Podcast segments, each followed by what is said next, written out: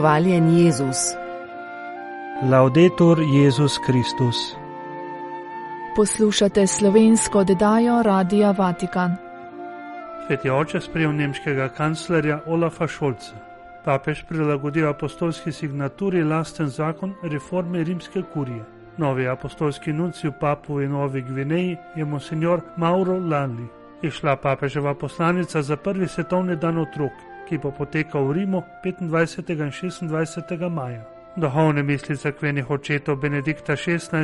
in papeža Frančiška za tretjo postno nedeljo. Papež Frančišek je v soboto 2. marca sprejel v audienco kanclerja Zvezdne republike Nemčije gospoda Olafa Šolca. Po osebnem pogovoru papeža Frančiška z nemškim kanclerjem, ki je trajal okoli 35 minut, je sledila izmenjava darov in zatem srečanje v državnem tajništvu. Ob koncu srečanja sta si papež Frančišek in gospod Olaf Šolc izmenjala darove. Sveti oče je nemškemu kanclerju daroval umetniško delo v bronu, ki prikazuje otroka, ki je drugemu pomagal stati, z napisom Ljubiti pomagati. Nadalje mu je podaril še tiskane izdaje nekaterih papeških dokumentov, letošnjo poslanico za svetovni dan miru ter knjigo Stacijo Orbis 27. marca 2020, vatikanske založbe Lev. Nemški kancler je papežu podaril uradno žogo UEFA Euro 2024 in figuro medveda iz porcelana z grbom Zvezdne republike Nemčije. Prisluhnemo izjavi tiskovnega urada svetega sedeža. Danes dopoledne je sveti oče Frančišek v Vatikanski apostolski palači sprejel v audienco kanclerja Zvezdne republike Nemčije, gospoda Olafa Šolca, ki se je na to srečal z njegovo eminenco kardinalom Petrom Parolinom, državnim tajnikom, v spremstvu monsignorja Miroslava Vahovskega, podtajnika za odnose z državami. Med prisrčnimi pogovori v državnem tajništvu je bilo izraženo zadovoljstvo nad dobrimi odnosi in plodnim sodelovanjem med svetim sedežem ter Nemčijo in poudarjen pomen krščanske vere v nemški družbi. Zato so se osredotočili na nekatera vprašanja skupnega interesa, kot je naprimer pojav migracij. Posebej so bili na to omenjeni konflikti v Ukrajini ter Izraelu in Palestini, ter posledično zauzemanje za mir v neumornem iskanju diplomatske rešitve, ki bi vodila do čimprejšnje prekinitve sovražnosti. Papež Frančišek je v soboto 2. marca izdal motoproprium z naslovom Munus Tribunalis, s katerim določa tehnično-leksikalne spremembe norm, ki urejajo vrhovno sodišče katero rešuje spore, ki izhajajo iz aktov crkvene upravne oblasti. Papež Frančišek je objavil motoproprium, s katerim prilagaja in usklajuje pravo vrhovnega sodišča apostolske signature z reformo rimske kurije, ki jo izvaja konstitucija predikate Evangelium. Zakon signature, ki je sedaj nekoliko revidiran z leksikalnimi spremembami, je junija 2008 razglasil Benedikt XVI. Apostolska signatura se pri upravljanju svoje funkcije vrhovnega sodišča cerkve, piše papež Frančišek v uvodu, postavlja v službo vrhovne pastoralne službe rimskega papeža in njegovega vesoljnega poslanstva v svetu. Na ta način vrhovno sodišče z reševanjem sporov, ki izhajajo iz akta crkvene upravne oblasti, poskrbi za presojo zakonitih odločb, ki so jih izdale ustanove rimske kurije v službi Petrovemu nasledniku in vesoljni cerkvi. Spremembe se nanašajo na zamenjavo izraza kleriki s prezbiterji, zamenjavo besede dikasteri z besedo razsodišče in z besedo apostolska signatura. Nadomestitev izraza izdajajo dikasterije rimske kurije z izrazom izdajajo kurijalne ustanove. Nadomestitev izraza pospešujejo in odobravajo ustanovitev mečkofijskih sodišč z izrazom odobrijo postavitev sodišč vseh vrst, ki jih ustanovijo škofje več škofij in še zamenjavo izraza dikasteris kurijalna ustanova v večjih členih. Papež Frančišek je imenoval monsignorja Maura Lalija za novega apostolskega nuncija v Papu in Novi Gvineji in ga obenem povzdignil za naslovnega načkofa Povzule.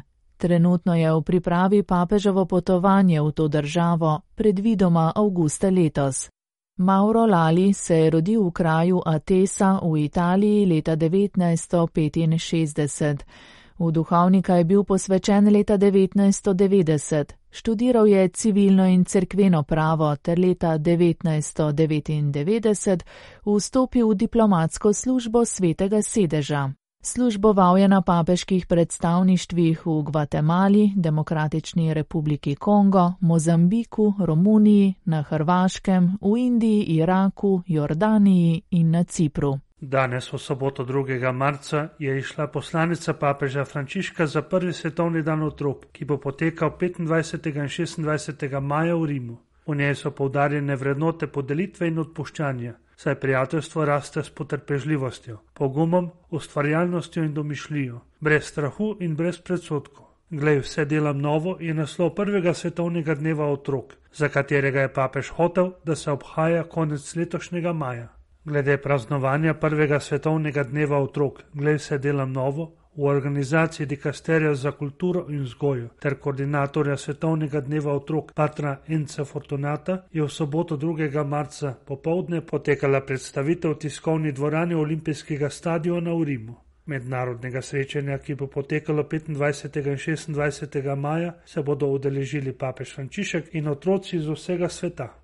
Na novinarski konferenci so bili prisotni pater Enzo Fortunato, koordinator Svetovnega dneva otrok, Marko Impaljaco, predsednik skupnosti svetega Egidija, Aldo Kanjoli, namestnik koordinatorja Svetovnega dneva otrok, Stela Červonji, vodja tujih delegacij Svetovnega dneva otrok, Marko Mezzaroma, predsednik športa in zdravja in Luigi Buffon, vodja delegacije nacionalne nogometne reprezentance. Sveti oče se je v soboto srečal s skupino staršev, ki se soočajo z izgubo otroka. Kot je dejal, gre za bolečo izkušnjo, ki ne sprejema teoretičnih opisov in zavrača banalnost verskih ali sentimentalnih besed, ki bi sicer rade potolažile, a na koncu še bolj prizadenejo.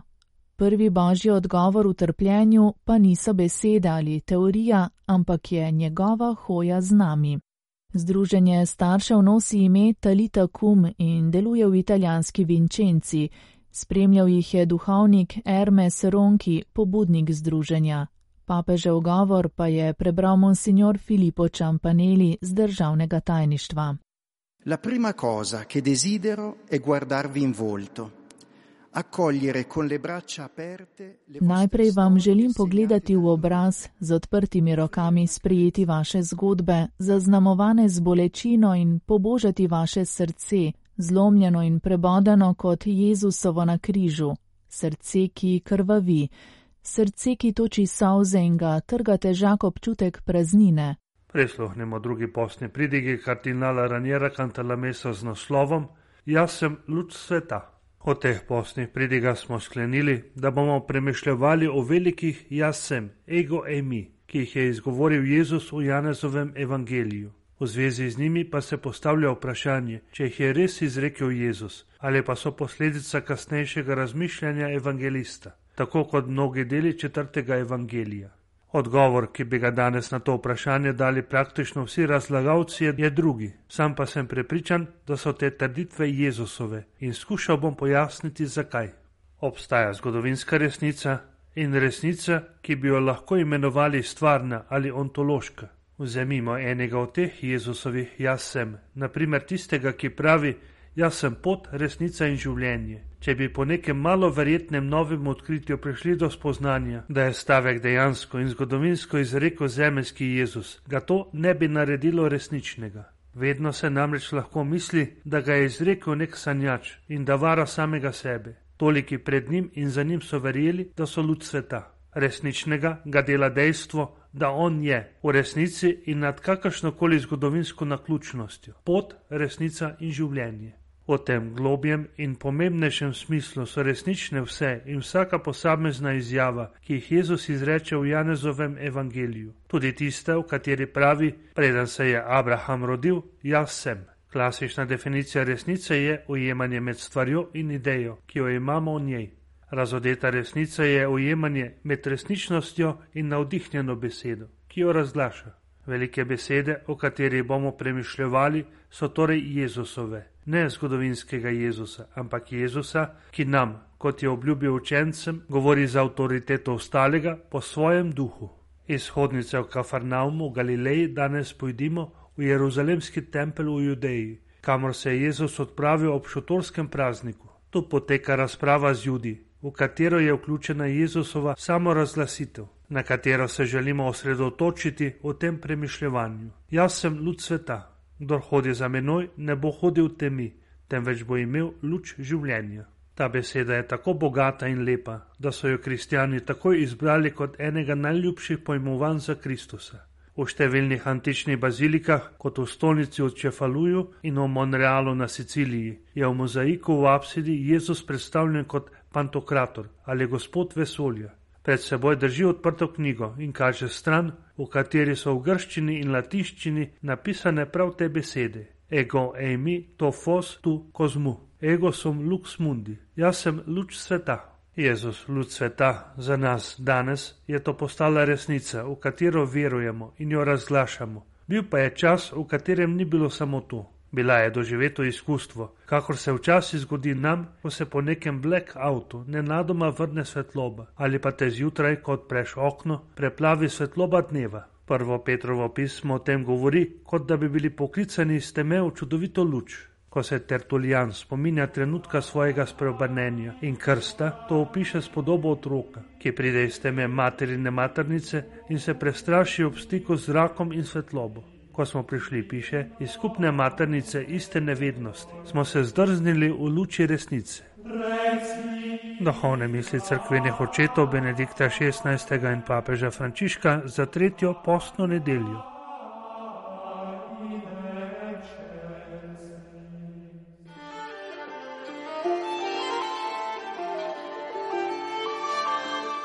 Prvo berilo je iz druge Mojzesove knjige, 20. poglavje, od 1. do 17. vrstice. Teda je Bog govoril vse te besede, rekel je: Jaz sem Gospod tvoj Bog, ki sem te izpeljal iz egiptovske dežele, iz hiše sužnosti. Ne imej drugih bogov poleg mene. Ne delaj si rezane podobe, tudi ne kakršne koli podobe tega, kar je zgore na nebu ali kar je spodaj na zemlji ali kar je v vodah pod zemljo ne priklanjaj se jim in jim ne služi, kajti jaz, Gospod tvoj Bog, sem ljubosumen Bog, ki kaznujem krivdo očetov na sinovih do tretjega in četrtega rodu teh, ki me sovražijo. Izkazujem pa dobroto do tisočerega rodu teh, ki me ljubijo in izpolnjujejo moje zapovedi. Ne izgovarjaj o prazno imena Gospoda, svojega Boga, kajti Gospod ne bo pustil brez kazni njega, ki v prazno izgovarja njegovo ime. Pomni, da boš posvečeval sobotni dan, šest dni delaj in opravljaj vsa svoja dela, sedmi dan pa je sobota za gospoda tvojega Boga. Ne opravljaj nobenega dela, ne ti, ne tvoj sin, ne tvoje hči, ne tvoj hlapec, ne tvoje dekla, ne tvoje živina, ne tvoj gostač, ki biva znotraj tvojih vrat. Kajti v šestih dneh je Gospod naredil nebo in zemljo in morje in vse, kar je v njih, sedmi dan pa je počival. Zato je Gospod blagoslovil sobotni dan in ga posvetil.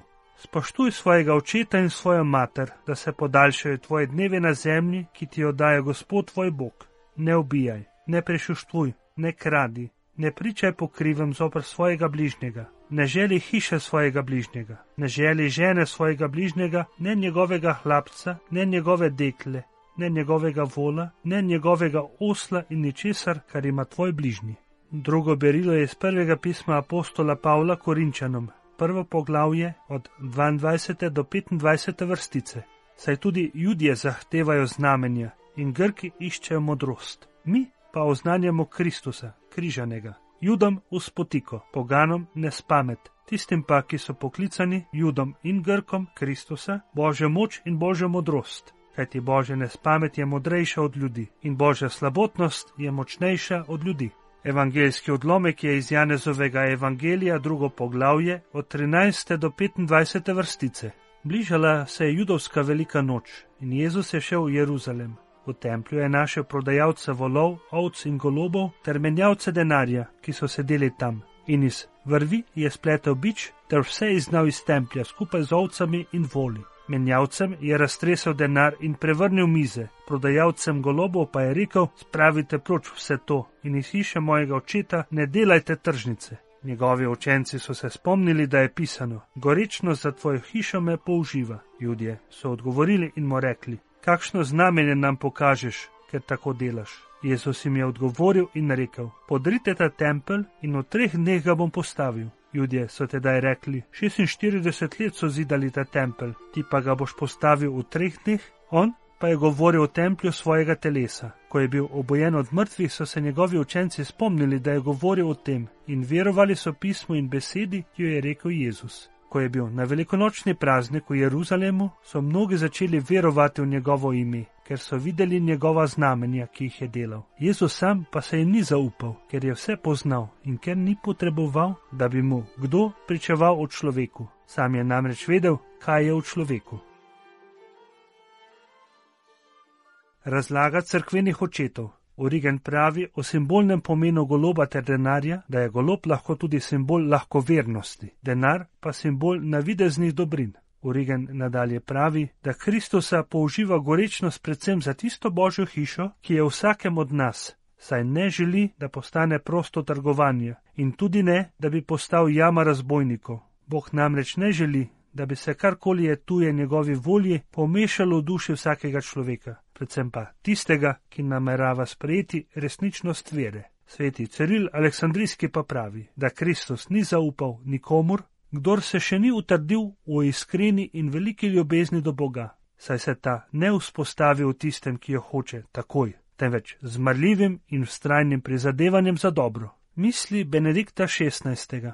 Na tretjo posno nedeljo prisluhnemo znamenitemu in lepemu odlomku iz druge Mojzesove knjige, v katerem nam sveti pisatelj pripoveduje, kako je Bog izročil dekalog Izraelu. Pri tem najprej zbudi pozornost pomenljiv uvod v naznanilo deseti zapovedi, ki se nanaša na osvoboditev izraelskega ljudstva. Besedilo se glasi: Jaz sem Gospod tvoj Bog, ki sem te izpeljal iz egiptovske dežele, iz hiše sužnosti. Dekalog torej hoče biti potrditev pridobljene svobode, Današnje bogoslužje pa nam ponuja še eno sporočilo. Mojzesova postava je bila dopolnjena po Jezusu, ki je razodel božjo modrost in ljubezen po skrivnosti križa. Ta je, kakor je rekel apostol Pavel v drugem berilu, judom uspotiko, poganom norost, tistim pa, ki so poklicani, judom in grkom, božja moč in božja modrost. Ravno na to skrivnost se nanaša današnji evangelij, v katerem Jezus izžene iz templja prodajalce in menjavce denarja. Evangelist nam da ključ za branje tega pomenljivega dogodka z vrstico iz 69. psalma. Gorečnost za tvojo hišo me použiva. Jezus je namreč tisti, ki ga použiva gorečno za božjo hišo, ker so jo uporabljali za druge namene, kot je bilo predvideno. Ker so verski voditelji zahtevali znamenje, s kakšno oblastjo to dela, jim je na začudenje navzočih dejal: Podrite ta tempelj in v treh dneh ga bom postavil. To skrivnostno, V tistem trenutku nerazumljivo besedo je evangelist Janez za svoje krščanske bravce pojasnil. On pa je govoril o templju svojega telesa. Ta tempelj bodo njegovi nasprotniki uničili, toda on ga bo po treh dneh obnovil s stajenjem. Kristusova boleča in pohojšljiva smrt je bila kronana zmago njegovega slavnega vstajenja. Misli papeža Frančiška.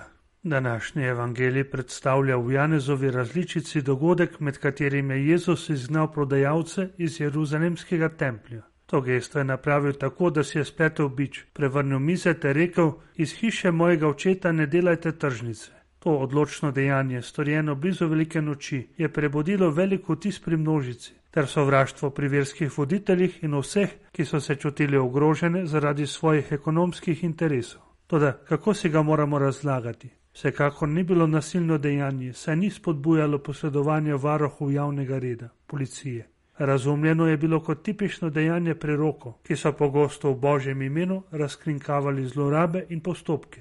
To vprašanje je bilo v smislu, kot so mu ga postavili voditelji. Judje so namreč Jezusa vprašali: Kakšno znamenje nam pokažeš, ker tako delaš? Kako bi zahtevali dokaz, da je on res deloval v božjem imenu? Da bi razložili Jezusovo gesto očiščenja Božje hiše, so se njegovi učenci posluževali svetopisemskega besedila iz Psalma 69. Gorečno za tvojo hišo me použiva. Poslušali ste slovensko oddajo Radia Vatikan.